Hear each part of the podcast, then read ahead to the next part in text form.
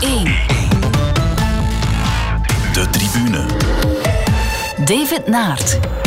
Hallo en welkom in de eerste eindejaarspodcast van de Tribune, de wekelijkse afspraak op Radio 1, waarin we de sportactualiteit van de voorbije week fileren. Maar nu laten we enkele van onze vaste gasten aan het woord om hun momenten van het voorbije jaar te bespreken. Zo is Hermine van Beveren onze eerste gast van deze week gaan opzoeken en dat is wieleranalist José de Kouwer.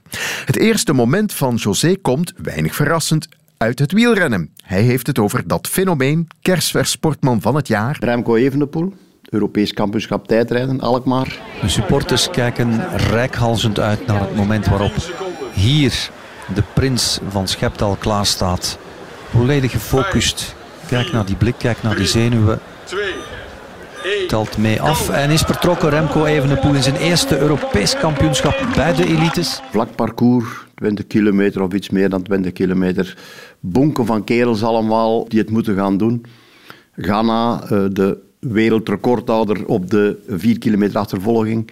Kuhn, nog een deel andere. Uh, allemaal mannen die, die ja, 10 kilogram meer wegen en 10, 15 centimeter groter zijn dan Remco, die in die omstandigheden in principe daarvoor zouden moeten gemaakt zijn. En dan komt Rem, Remco Evenepoel met zijn lengte, met zijn gewicht. En die, die gaat dan gewoon die tijdrit winnen. En die wordt Europees kampioen. 25-13, de tijd van Casper Asgreen. En Evenepoel duikt als eerste onder de 25 minuten. Een gemiddelde van bijna 54 km per uur. Eindtijd voor Remco Evenepoel.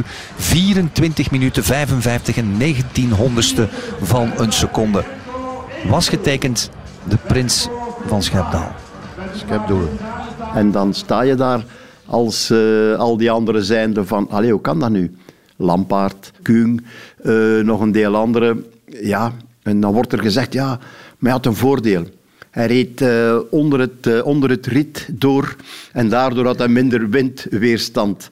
Dat is helemaal niet waar natuurlijk. Ik bedoel, dat kan misschien twee centimeter voorsprong opgebracht hebben op een bepaalde strook.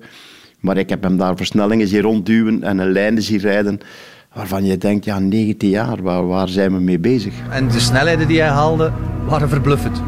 Ja, zeker. Zo ook in terugkomen met de wind op kop. Hij reed net onder die 60 per uur. Ja, echt gewoon fenomenaal. Ik heb dat zelden meegemaakt. Absoluut, daar moet je zelfs niet over nadenken. Het is, een fenomeen. Wat we daar de voorbije, het voorbije jaar van gezien hebben, dat...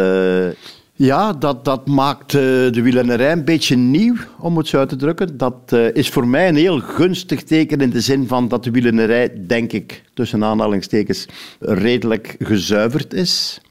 Want anders zou dat op 19-jarige leeftijd niet kunnen in het verleden. Ondanks het grote talent. Dus wat, dat, is, dat op zich is voor mij al een, een heel mooi uh, gegeven.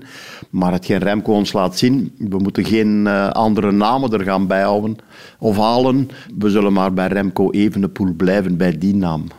I told to everybody of the Belgian cycling team, I'm going to take the stars for, for some stars in the sky and I did it. So this is not my victory, this is the victory for Björk and uh, for Stef, my uh, teammate. En dan kwam daar ook nog eens het ja, emotionele bij met uh, Björk Lambrecht, ook voor Stef Loos. Ja. Dat hij zei van deze overwinning, of ik vooraf al, ik ga die titel pakken voor hen. Hij zei het ook gewoon. Ja, dat is ongelooflijk durven. Hè.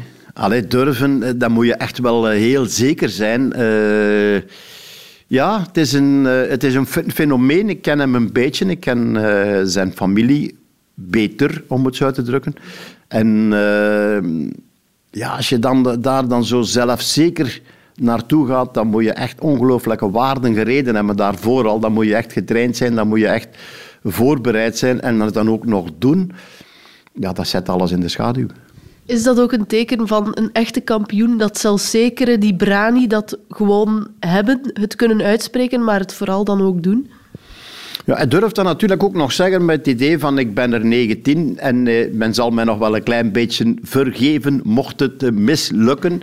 Maar ondanks alles, het mislukt niet. En uh, het, het, is alleen daar niet bij, gebleven. Het heeft, hij heeft ook dit jaar nog een heel pak andere dingen gedaan waarvan we in het voorjaar nog niet echt dachten dat dat uh, ging kunnen.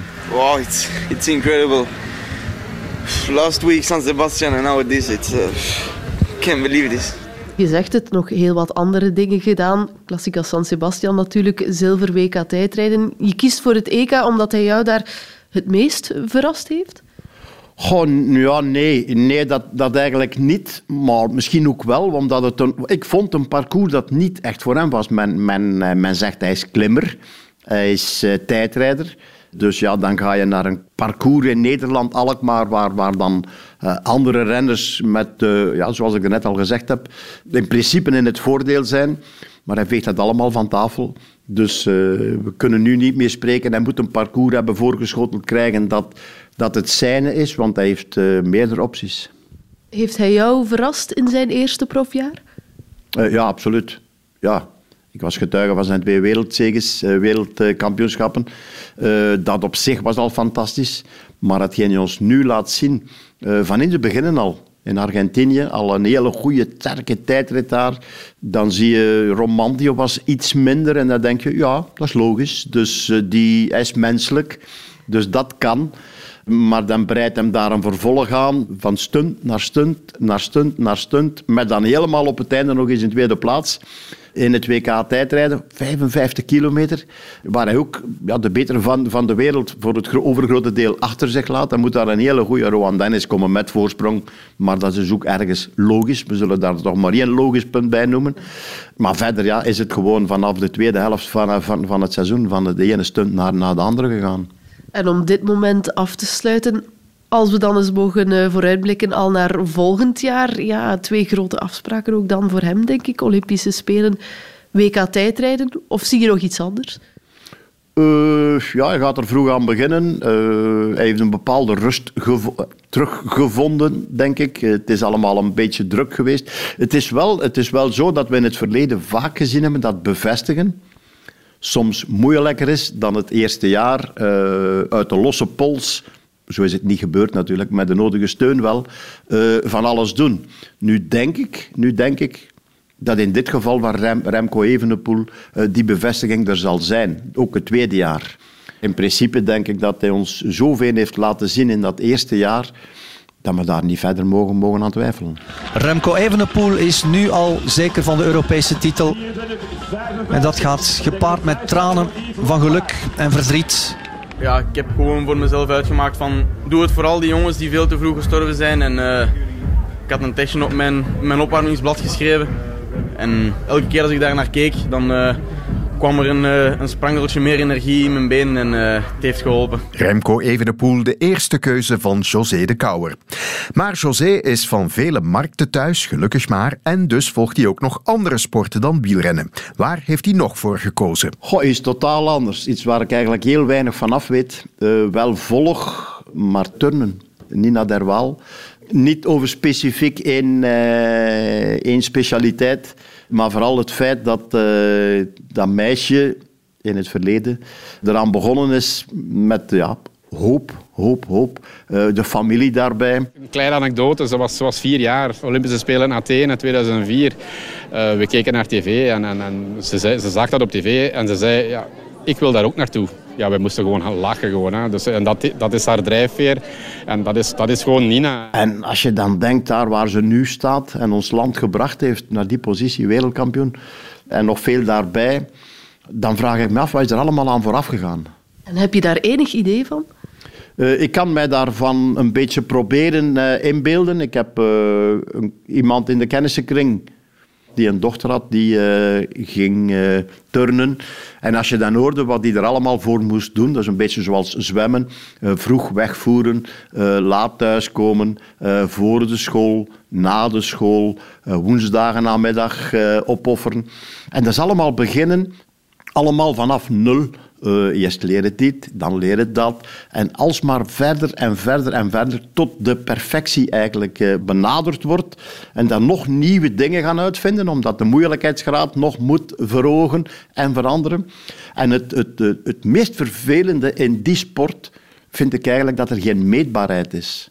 Je moet rekenen op de goodwill van de jury, om het zo te drukken. Maar die scoren valt tegen. Ja, die valt tegen. Die valt echt waar tegen. Wow. Ja, als de jury streng is, dan hoop ik dat ze de hele dag door streng zijn. Maar 15.133,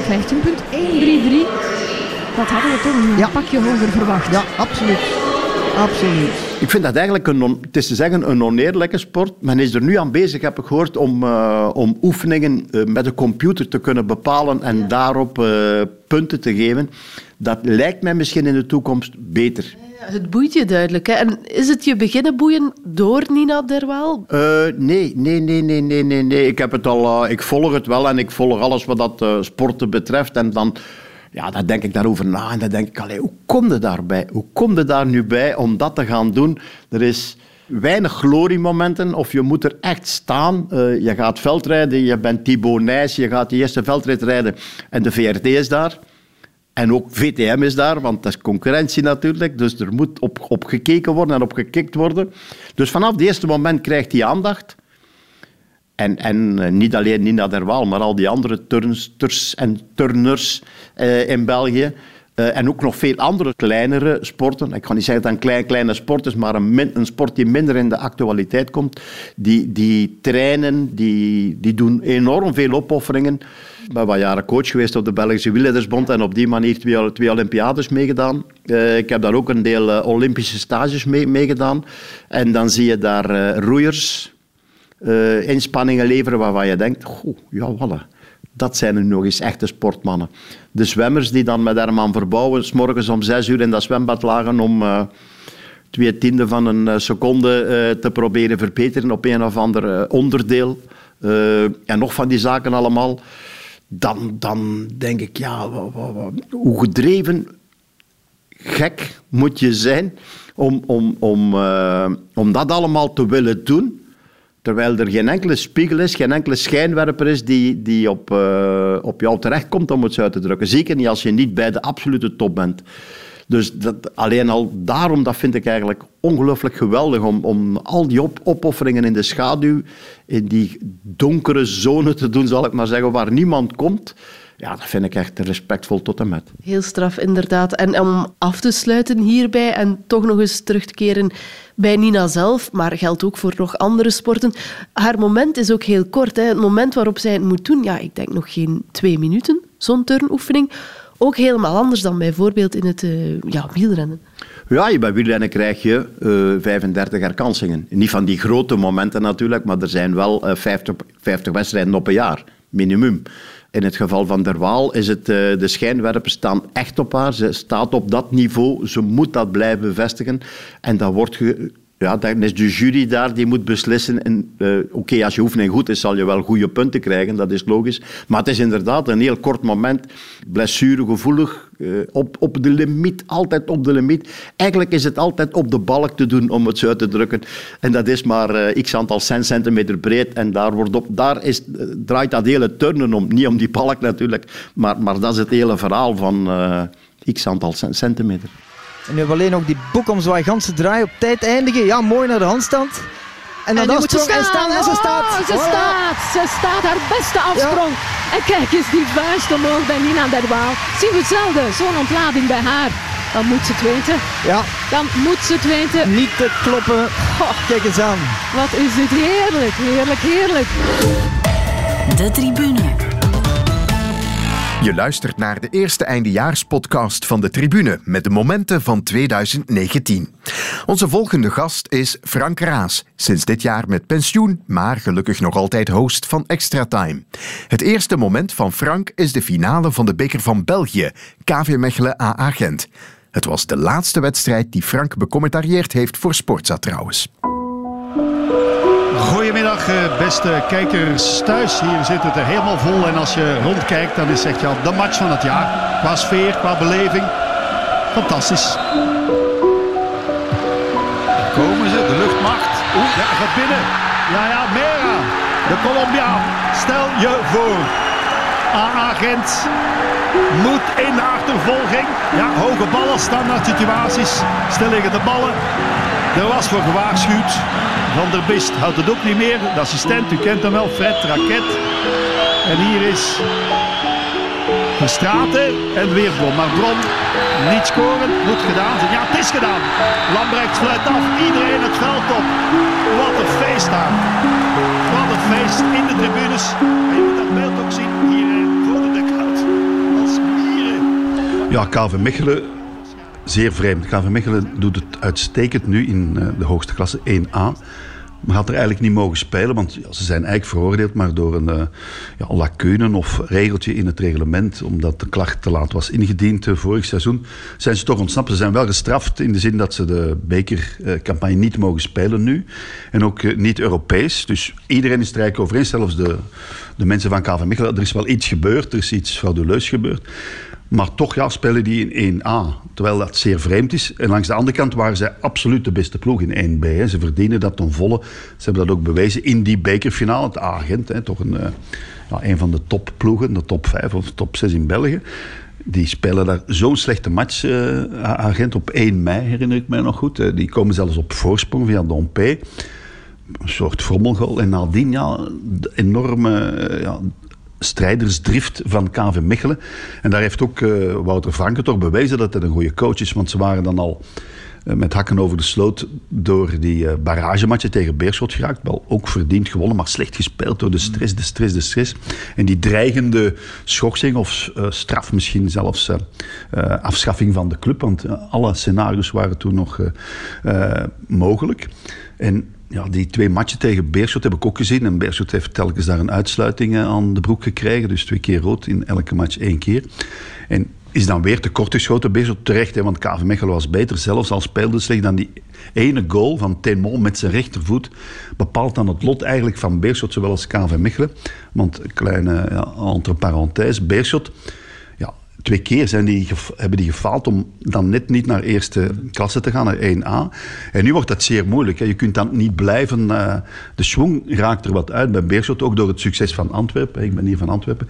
En ja, het is jammer, nog altijd vind ik dat die twee niet samen in 1A spelen. Maar wat KV Mechelen betreft... Ja, dat, dat is zo'n turbulent seizoen. Hè. Die dreiging van, van, van de straf, ook die Velkovic ertussen, Beveren. En, ja, er is iets gebeurd, iedereen is het erover eens. Maar toch ja, ontsnappen ze dan toch. En dat is een heel dubbel gevoel, want ik kun dat KV Mechelen. Ze hebben fantastische supporters, uh, jonge supporters. Wat ook belangrijk is, hè. ze hebben een zeer jonge supporters scharen. Dat draait er, dat is er aangenaam. Ik ga er zeer graag naartoe. Die spelen positief goed voetbal. En ze waren hoe dan ook de beste, ook in die bekerfinale. Hè. Met mannen die ondertussen wel weg zijn. Verrips en Seth de Witte die daar zijn afscheid uh, speelde. Maar ja, het is een zeer dubbel gevoel, ook hoe het er dan aan toe gaat in Belgisch voetbal. Hè. Ik heb wel het gevoel dat dat item nu eventjes wat aan de kant geschoven is bij de voetbalbeleving. Dat er op zich in en rond de wedstrijden, KV Mechelen, niks meer kwalijk wordt genomen bij mij van spreken. Het is, het is even weg. Er moet nog een gerechtelijk luik volgen natuurlijk ja, wel, hè, maar, maar het is even weg nu wel. Ja, het is bijna helemaal weg door de, de prestaties ook van KV Mechelen, de, het enthousiasme, ja, dat publiek. En ik zeg het nog eens, KV Mechelen moet daar staan. Maar maar toen het nieuws binnenkwam, het was tijdens uh, de Tour een tweede keer, denk ik, de uitspraak uh, van het uh, BAS. Ja. KV Mechelen mag, mag in de hoogste klasse blijven. De voetbalbond had er eerder ook al zo over geoordeeld. Ja. Ja, dan kreeg je wel een raar gevoel van binnen, dan inderdaad. Ja, ja ik heb ook die beelden gezien hè, van de vreugde daar in dat afzonderingsoord van KV Mechelen. Want die moesten dan hele periodes overbruggen zonder, te, ja, zonder wedstrijden. Maar die spelers kan je dat misschien nog niet kwalijk nee, nemen. Neem, ik neem ook niemand kwalijk. Alleen het Belgisch voetbalbestel. Hè. Velkovic ook. Ik lees nu ook uh, eergisteren in de krant dat Moji Bayat zijn beste financiële jaar achter de rug heeft uit zijn carrière. Moji Bayat, broer trouwens van de voorzitter van de voetbalbond. En Bayat heeft niks met KV Mechelen hier te maken met dit geval. Maar dat, zo gaat dat. Hè. En dat, dat, dat stoort mij soms wel enigszins, dat, dat bestel en dat, al die dingen die... Ja, er gebeurt van alles, maar eigenlijk gebeurt er niks. En het is goed, hè, wij, wij vergeten ook, dat is net hetzelfde in het wielrennen. Hè. Er zijn dopinggevallen en dan is het weer dit en weer dat, maar we gaan door en we blijven enthousiast en we blijven ervan genieten. Dus ja, zo zit de mens blijkbaar in elkaar. Wij aanvaarden eigenlijk dat er ook wel eens geknoeid wordt. Zeg, een bekerfinale, laten we het maar eens van de positieve kant ook bekijken. Ja. Je hebt gezegd, KV Mechelen heeft gewonnen, of het ook wel verdiend gewonnen. Zo'n bekerfinale blijft wel speciaal, vind ik. Moet wel niet in maart, zoals in een paar jaar geleden, maar nee. echt in het voorjaar gespeeld worden. Zonnige namiddag, veel volk in het Koning Boudewijnstadion. Veel volk van de beide supportersklans ook, want tegenwoordig moet je met een vergrootglas bij een normale competitiematch naar de bezoekende fans gaan kijken. Maar het is een feest, hè? heb je dat die middag ook zo ervaren, Frank? Ja, de bekerfinale is altijd speciaal. Hè? Het is ten eerste niet in het eigen stadion van uh, een der ploegen. En inderdaad, ze zijn ongeveer met evenveel dan. Hè. 2020 is dat ongeveer, 20.000.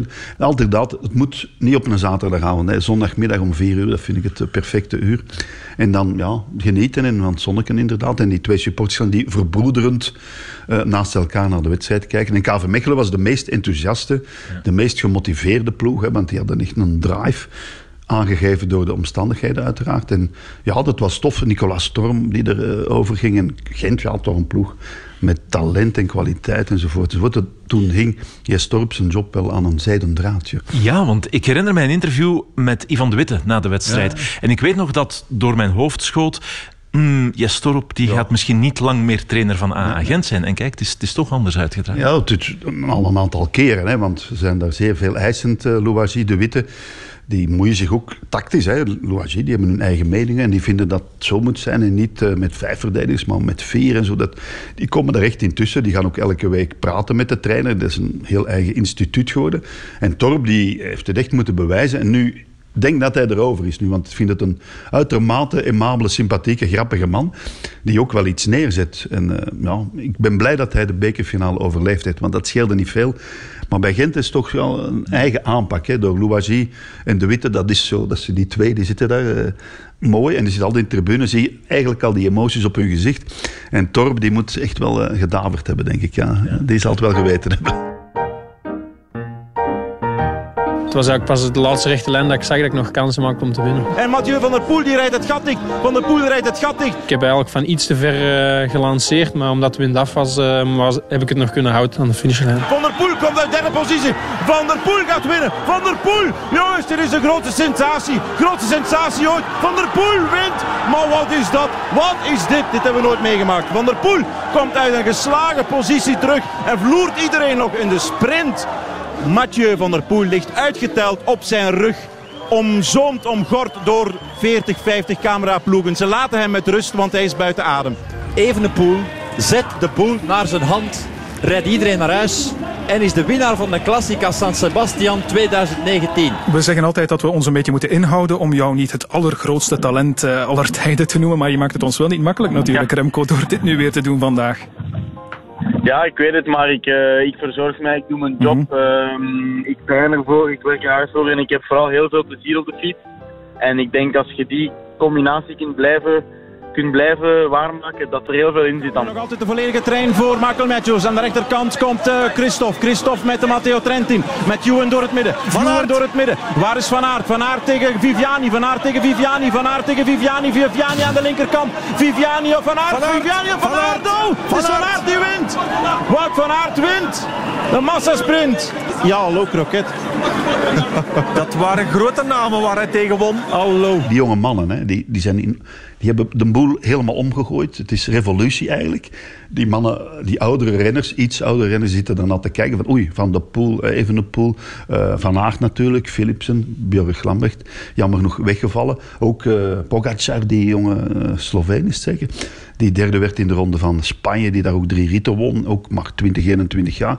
Er is een soort ja, jongerenrevolutie. En ook het veldrijden is weer opgewaardeerd als aan, ja, opstapje naar het wegwielrennen. ja, ik, ja ik, ik heb er genoten van het wielrennen. Vooral als ik dan één ding mag uitpakken, of één wedstrijd, dan is dat Mathieu van der Poel in de Gold Race, moet ik zeggen, Amsterdam Gold Race, nog ja, altijd ja. zeker. hoe, ja, dat was fenomenaal. Dat was Merksiaans, zullen we dat maar noemen. We moeten dat woord niet te vaak gebruiken, maar dat wordt nu ook al gebezigd voor uh, Evenepoel. Terwijl ja, we zijn nog helemaal aan het begin maar. Maar wat, ja, hij had daar een, een, demarrage geplaatst, geloof ik, op 40, 50 kilometer van het einde van de pool. Wordt dan teruggepakt, een soort ja, strijdlustprijs heeft hij gekregen daarvoor. Maar dan op het einde komt hij er nog helemaal over fenomenaal. Ook door het uh, geslenter van de twee die voorop waren. Hè. Alaphilippe en uh, denk ik. Ja, en uh, ja, die blokkeren elkaar. En dan komt hij er nog over. En als ik dan achteraf lees dat hij wattages trapte van wat is het, 1150 of zoiets. Heel veel, veel. Alleen waar wij nog niet aan kunnen denken, dan krijgen wij gewoon niet rond. Hè.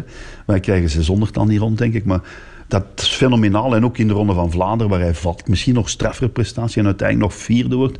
Ja, en ook in het veldrijden. Ik ben onlangs naar Hamme gaan kijken, veldrit. En ja, die domineert dat daar. Dat was in de week dat Raymond Poulidor overleden was, zijn grootvader dus.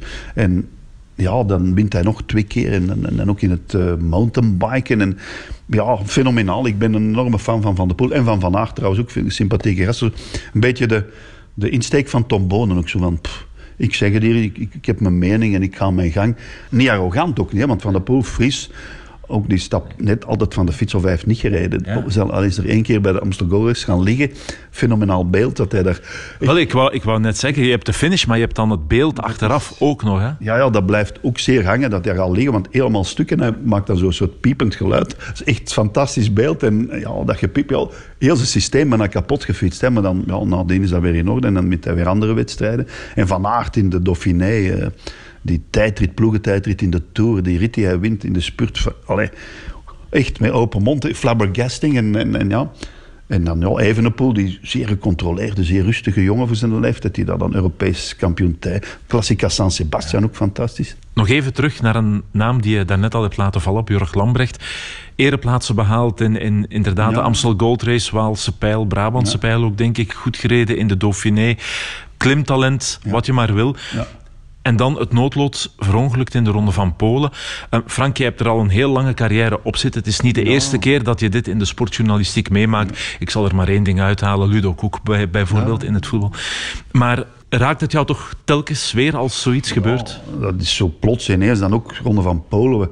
Ja, dat kun je niet. Je hebt ook Casartelli bijvoorbeeld in de Ronde van Frankrijk ooit gehad. Hè, Italiaanse jongeren.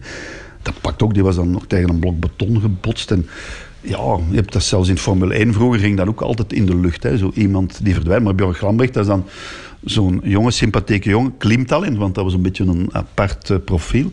Ja, dat raakt enorm natuurlijk. En Ludo Koek ook. Uh, ja, ja, Ik heb Ludo Koek nog opgebaard zien liggen in het ziekenhuis, Middelheim ziekenhuis. Of de UIA. Dus dat, was, dat zijn dingen die wel bijblijven, ja.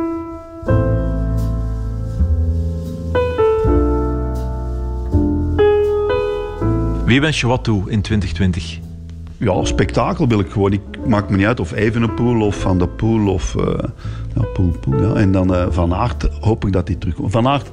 Volledig... Twijfel je daar toch een, een, beetje aan? Weliswaar van op afstand, maar zeg je ja, zo'n een, een, flinke blessure geweest? dat kan toch niet anders. Ik bedoel, dat is bij voetballers ook die zwaar en lang oud zijn, hè, zwaar geblesseerd en lang buiten strijd. Ja. Ergens moet dat impact hebben op je lichaam. Maar er zijn er die volledig terugkomen en ik hoop dat echt, want er moet natuurlijk iemand uh, in het veld rijden van, uh, van de pool weer werk bieden om te beginnen. En ja, mij maakt niet uit wie het is, maar ik wil gewoon ja, dat ouderwetse heroïsche spektakel zien. Niet koersen die geblokkeerd zijn en op het einde gebeurt er dan misschien... Maar die jonge, die jonge mannen, die doen dat, hè? Die gaan, hè. Die gaan in Evenepoel, die gaat op kop rijden. En ja, rondes, hè. hoe zit dat? Hoe gaan die mannen presteren in grote rondes? Wie weet wat de toekomst brengt. Um, maar ik zou bijna zeggen, winteruur staat voor de deur. Dat is natuurlijk niet waar. de hond De hond, maar het tapijtje hier doet mij er wel een beetje aan denken.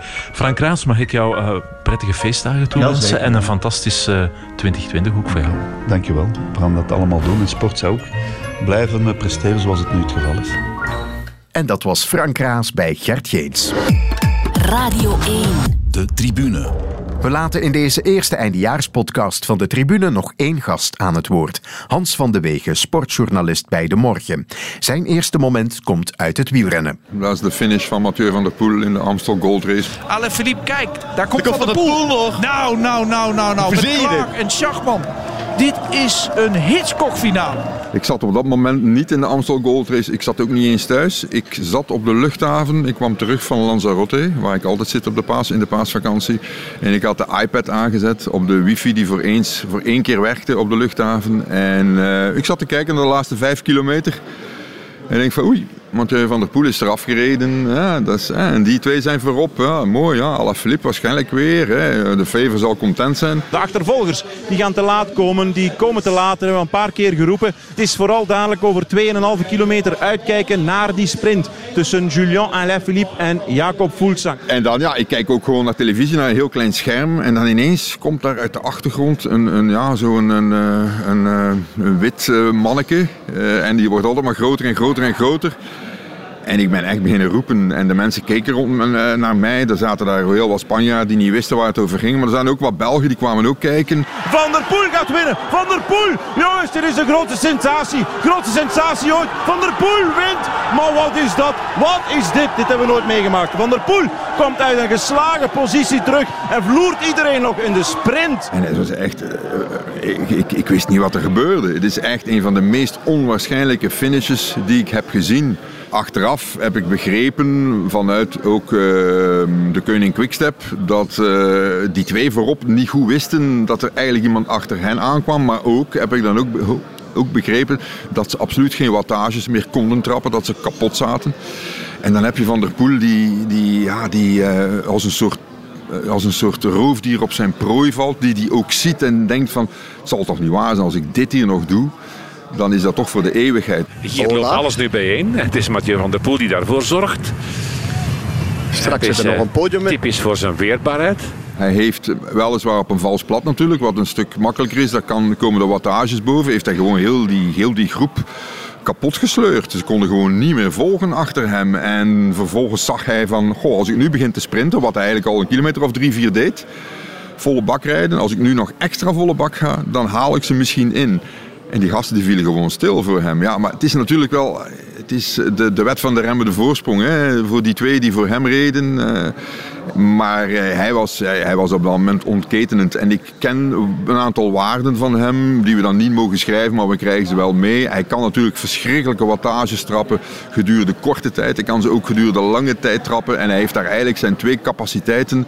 Namelijk van, ik kan gedurende 10 minuten rapper rijden dan om TV in de wereld. Maar ik kan ook zeer snel sprinten ook aan het eind nog, dat heeft hij daar gecombineerd. En hij is dan, ja, hij is dan uh, als een volleerde toneelacteur ter aarde gestort, is ook blijven liggen. Mathieu van der Poel ligt uitgeteld op zijn rug.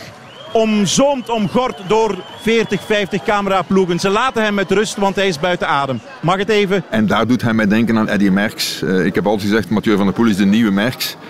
En... Uh, maar dat deed Eddie ook. Hè. Eddie was ook drama als hij had gewonnen. Het, was altijd, het deed overal pijn, maar waarschijnlijk deed het ook wel overal pijn. En het zal bij Mathieu ook wel pijn hebben gedaan. Maar hoe hij daar bleef liggen op, de, op, het, op het asfalt was uh, puur drama. Hè. Mogen we nu wel het woord Merksiaans gebruiken? Dit is onwaarschijnlijk. Dit hebben we nooit meegemaakt. Mathieu van der Poel. Geweldig. 1200 meter voor de streep. Onmogelijk. Mag ik nog één keer Merksiaans zeggen? Ja, ik ga, ik ga me nu aansluiten. Ik neem alles terug. Hoe kan dit? Ja, het is een prachtig beeld geworden. We hebben het geselecteerd bij ons in de krant als een van de beelden van het jaar 2019. En ik heb het de zwalbe van de wielrenner genoemd, want uiteindelijk is het de zwalbe. Want de wielrenner als hij valt, staat onmiddellijk weer recht. Maar hij valt daar en hij weet van nu mag ik blijven liggen. Iedereen hangt boven mij. Ik kan hier nog een beetje ademen en ik ga nog een beetje blijven liggen. En uit zijn ooghoek zal hij dan hebben gekeken van oké, nu is het moment om wakker te worden en uh, te genieten van mijn overwinning. was een heel, heel, heel mooi moment. Ongelooflijk. Ik, uh, goh, pas de laatste 300 meter uh, zei ik eigenlijk dat we nog konden winnen, dat dat de eerste groep was. En uh, god, dat het nog lukte, dat had ik echt niet verwacht. Wat die Van der Poel een fenomeen maakt, is misschien wel wat je zegt, hè, dat 10 minuten aan een stuk heel, heel hard kunnen rijden en dan nog eens die sprint. Vooral dat hij het alle twee kan. Hè. Dat kwam eigenlijk perfect samen in die Amstel Gold Race. Ja, het verbaasde van Van der Poel is dat ze hebben gemerkt toen hij uh, eigenlijk de overstap maakte van het uh, veldrijden naar het wegwielrennen, dat hij qua uithouding al gewoon het niveau heeft van een, van een klassiek coureur. Hij kan dat aan. Bovendien is hij een, waarschijnlijk een van de weinige mensen die uh, heel makkelijk uh, hun lactaat kunnen bufferen. Het is eigenlijk geen lactaat meer, maar goed, het is technisch, ik ga er niet te wetenschappelijk over doen.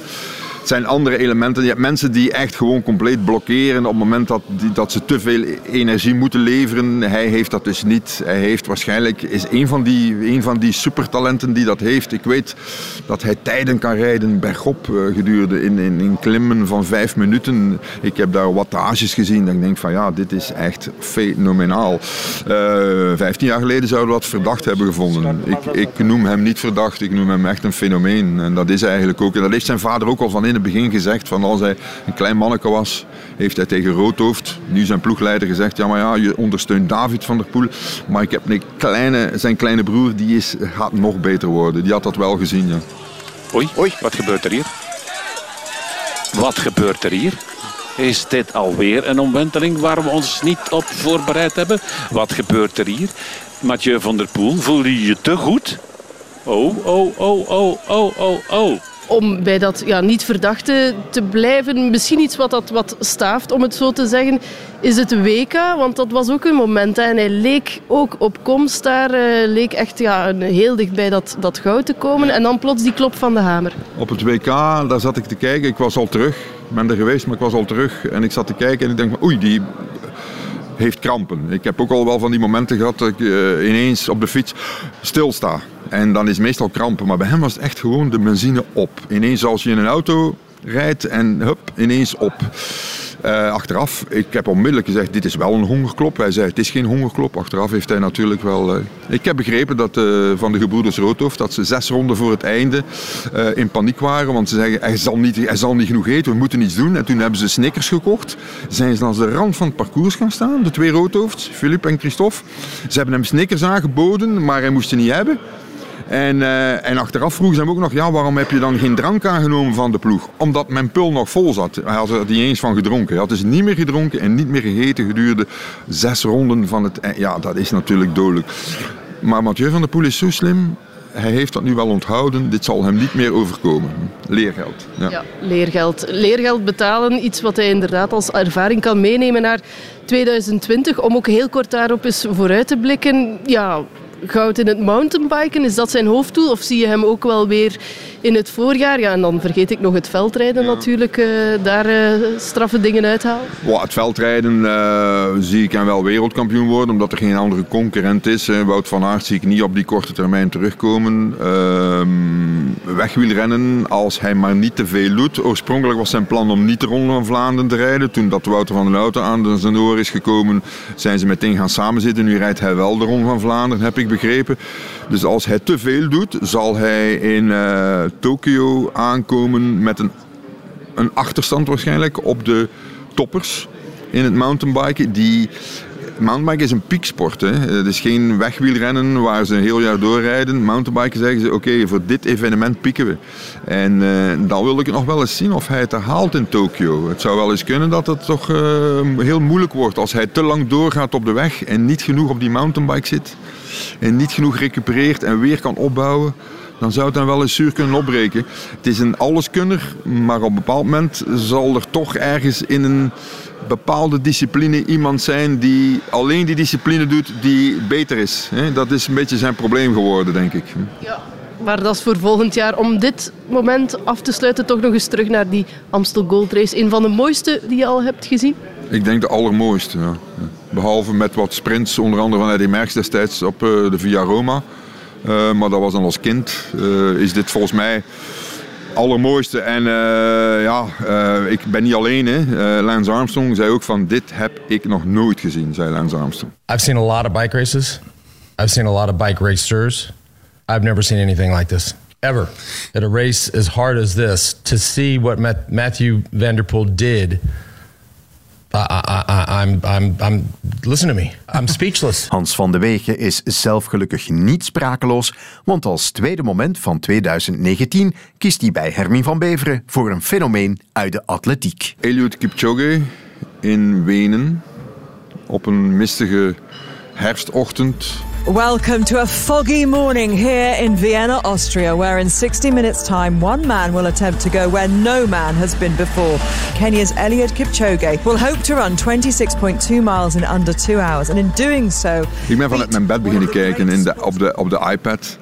En je ziet daar een groepje lopen. Er staan mensen. Uh, het eerste stukje lopen ze over een brug en dan lopen ze op de Praterallee. En denk ja, dit is echt wel heel kunstmatig. Maar ik heb twee uur gekeken gewoon. Twee uur aan een stuk gekeken. Ik ben naar beneden gegaan, het ontbijt klaargezet, televisie opgezet en blijven kijken, blijven kijken. En dan zag je gewoon die tijden en denk je, ja, dit keer haalt hij het. Ik had eigenlijk al gedacht dat hij anderhalf jaar eerder op Monza ook zou hebben gehaald. Blijkbaar is er dan iets misgegaan. Ze hebben die fouten hersteld. Ze hebben ook een, uh, nog betere schoenen aangetrokken. Uh, hij dan in elk geval. En het is een, een kunstmatig record. Maar het is wel een heel lovenswaardig record. Elliot Kipchoge storms into the history books in Vienna. 159.40, the unofficial time. The first man to run a marathon in under two hours. Nu weet ik, ik heb uh, één of twee jaar eerder een verhaal gemaakt van uh, ja, een marathon onder de twee uur, nooit voor 2030. Ik blijf daarbij. Dus de marathon zoals het tot dan is gelopen, tot nu is gelopen, namelijk in een wedstrijd. Weliswaar met hazen, maar niet hazen die elkaar om de twee ronden aflossen. Um, is er waarschijnlijk niemand die onder de twee uur kan duiken. Tenzij de technologie natuurlijk uh, ja, alles verandert. En hier heeft de technologie natuurlijk wel een en ander veranderd. This is the shoe Nike claims can make any runner 4% faster. It's called the Vaporfly 4%. In het zwemmen was er bijvoorbeeld de zwempakken, uh, intussen al zo'n tien jaar geleden. Hè. Wat vind je van die schoenen? Moet kunnen, de technologie evolueert ook en daar moeten de atleten maar gebruik van kunnen maken, simpel? Ja, moet kunnen, ja. Ik, uh, het is natuurlijk wel zo dat ze op een bepaald moment uh, zeggen ze ja, misschien moet er een bepaling komen dat de, de zool geen uh, 20 centimeter hoog mag zijn. Hè. Ik zeg maar iets. dat is uiteraard minder wat ze nu voorop stellen. Maar um, ik ken die schoenen, de eerste generatie schoenen. Ja, kun je misschien heel kort ook zeggen wat het is, die ja. speciale schoen van hem? Wel, het is dus Nike, heeft een, de Vaporfly uh, 4%. Maar Eliud Kipchoge heeft nu gelopen met de, nog een, een derde versie, waarvan ik de naam niet goed ken. Die, die, misschien ook nog niet op de markt is dan? Die niet op de markt zal zijn, maar wel een aantal topatleten zullen daar wel mee lopen. Zeker op de weg uh, straks. En, uh, en die heeft nu, de eerste versie had één carbonplaat in de zool. Die een bepaalde niet demping, maar een bepaalde return van energie gaf. Maar deze heeft nu drie carbonplaten in de zool zitten, plus nog eens twee luchtkussens, wat Nike vroeger al had met zijn Nike Air, die luchtkamers. Dus dat is op zich geen nieuwe uitvinding. En uh, nu, ik loop op de eerste versie, of ik, ik stap op de eerste versie. En dat is echt alsof je op luchtkussens loopt. Hè. Dus dat is, er is een bepaalde return. Je voelt gewoon, je hebt minder energie nodig. Los daarvan vind ik, het mag, het kan, geen enkel probleem van mij. Maar waar ik niet tegen kan, is dat als ik die atleten daarmee confronteer en zeg van ja, het zijn wel goede schoenen. Ze zeggen ja, maar je mag niet focussen op de schoenen. Ja, sorry. Het zijn natuurlijk, ik ga daar nooit 2-4 mee lopen of onder de 2 mee lopen. Dat is duidelijk. Ik, ga er, ik kan er waarschijnlijk zelfs niks mee om mee te lopen, want ik ben geen voorvoetloper. Ik loop op mijn hiel. Dus het is al bijna alleen voor de voorvoetlopers. Maar voor de toppers, daar maakt het echt een verschil. Maar dan nog, ja, die prestatie op zich onder de twee uur lopen. Hij is ook voorlopig de enige die dat kan. Ik bedoel maar, stel dat een andere atleet die kans krijgt om in die omstandigheden het te proberen. Zou het nog iemand uh, kunnen lukken? Oh, er loopt waarschijnlijk nu al een Keniaan rond. Of een Ethiopiër die dat eigenlijk ook zou kunnen als hij het hele, hele fabriek achter zich krijgt. Hè. Maar Eliud Kipchoge was de juiste man op de juiste plek op het juiste moment. Uh, met de juiste uitstraling. Ook niet al te veel uitstraling, moet ik heel eerlijk zeggen. Maar uh, die dan toch uh, ja, gesteund geweest is door Nike en door Ineos en al die andere bedrijven die zich daarachter hebben geschaard. Die daarvoor gezorgd hebben dat er daar een, een, een, muur van lopers voor hem liep. Met nog eens een auto daarvoor. Met nog eens pure rechte stukken. Vier, vier rotondes moeten nemen, dacht ik. En uh, ja, eigenlijk altijd maar recht doorlopen. Wat ik wel heel mooi vind, is dat... of een beetje angstwekkend eigenlijk ook, is dat daar dus uh, heel wat topatleten bijlopen. Als Haas? Haas, ja, de Ingebrigtsens onder andere. Dat is een fenomenale familie van, van prachtige lopers die uiteindelijk, als je gaat kijken naar wat is de toekomst van een marathon, dan zeggen fysiologen, ja, eigenlijk een 1500 meter loper die zoveel keer 1500's achter elkaar aan kan dat hij tot een marathon komt en die submaximaal kan lopen. Ja, dan kom je bij de Ingebrigtsens uit. Hè. Die maar je zegt angstwekkend. Vind je dat dan ergens te min voor hen? Ja, ik vind het eigenlijk wel dat ze zich daar niet moeten toelenen. Toe uh, en dan zie je ook, uh, dat, is, dat is natuurlijk ook het failliet van de um, baanatletiek natuurlijk. De wegatletiek uh, vaart daar wel bij. En om af te ronden, wat misschien ook wel een goede zaak is, Kipchoge heeft u gezegd van hij gaat voor de Olympische marathon. Hij zal deelnemen en ja, gaat voor de titel dan ook natuurlijk. Goede zaak.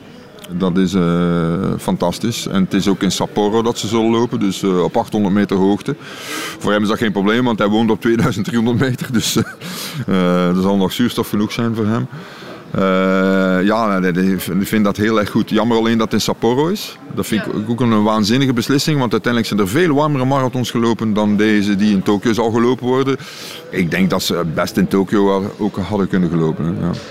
Oké, maar dus in Sapporo en wie weet daar een nieuwe titel voor uh, Kipchoge, maar uh, dat record onder de twee uur of om helemaal af te sluiten, ja, zie je het eigenlijk als een wereldrecord of is het toch zo meer een folieke, om het zo te zeggen? Nou, een folieke zie ik niet. Ik zie het wel als een wereldrecord, maar dan als een officieus wereldrecord en een uh, technologisch wereldrecord. Ik vind het, het mag nog eens gebeuren.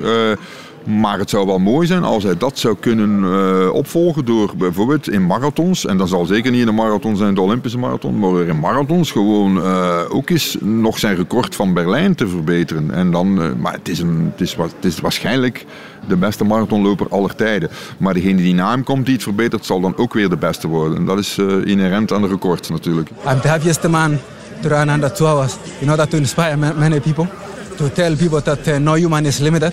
You can do it. I'm expecting more of the athletes in this all of the world to run under two hours after today. Eliud Kipchoge, toch een van de strafste atleten aller tijden. En daarmee zijn we aan het eind gekomen van de eerste eindejaarspodcast van de Tribune. Het tweede deel kun je beluisteren vanaf maandag 30 december. En op Radio 1 zijn we er opnieuw op maandagavond 6 januari om 7 uur. Voor nu al bedankt om te luisteren en tot binnenkort.